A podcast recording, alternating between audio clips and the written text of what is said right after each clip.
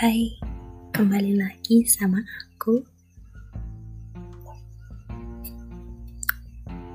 yang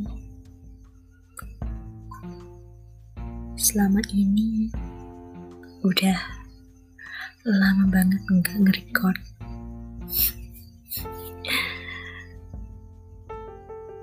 Tentang jodoh, wah pembahasannya tentang jodoh.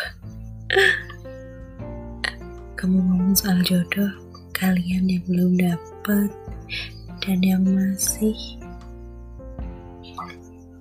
single dan masih enjoy dengan kesendiriannya. Selamat ya. Belum ada rasa bosan menghampiri. Tapi bagi kalian yang sudah merasa bosan dihampiri oleh kejombloan aku ada cerita sedikit. Untuk kamu yang bosan, namun jodoh impian belum juga menghampiri, cobalah untuk mengevaluasi diri. Sudahkah doa dan ikhtiarmu kau maksimalkan? Ataukah usahamu masih sekedar hingga kamu belum bertemu dengan jodoh yang kamu impikan? Sudahkah kamu memperbaiki hubunganmu dengan Sang Maha Kuasa, Sang Maha Cinta, dan yang memiliki alam semesta? Ataukah panggilannya masih sering kau abaikan?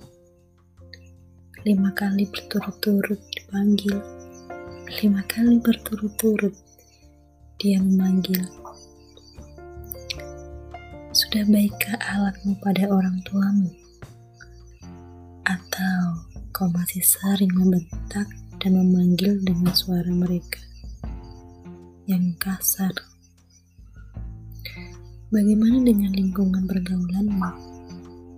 Sudahkah kamu berada di lingkungan orang-orang yang positif?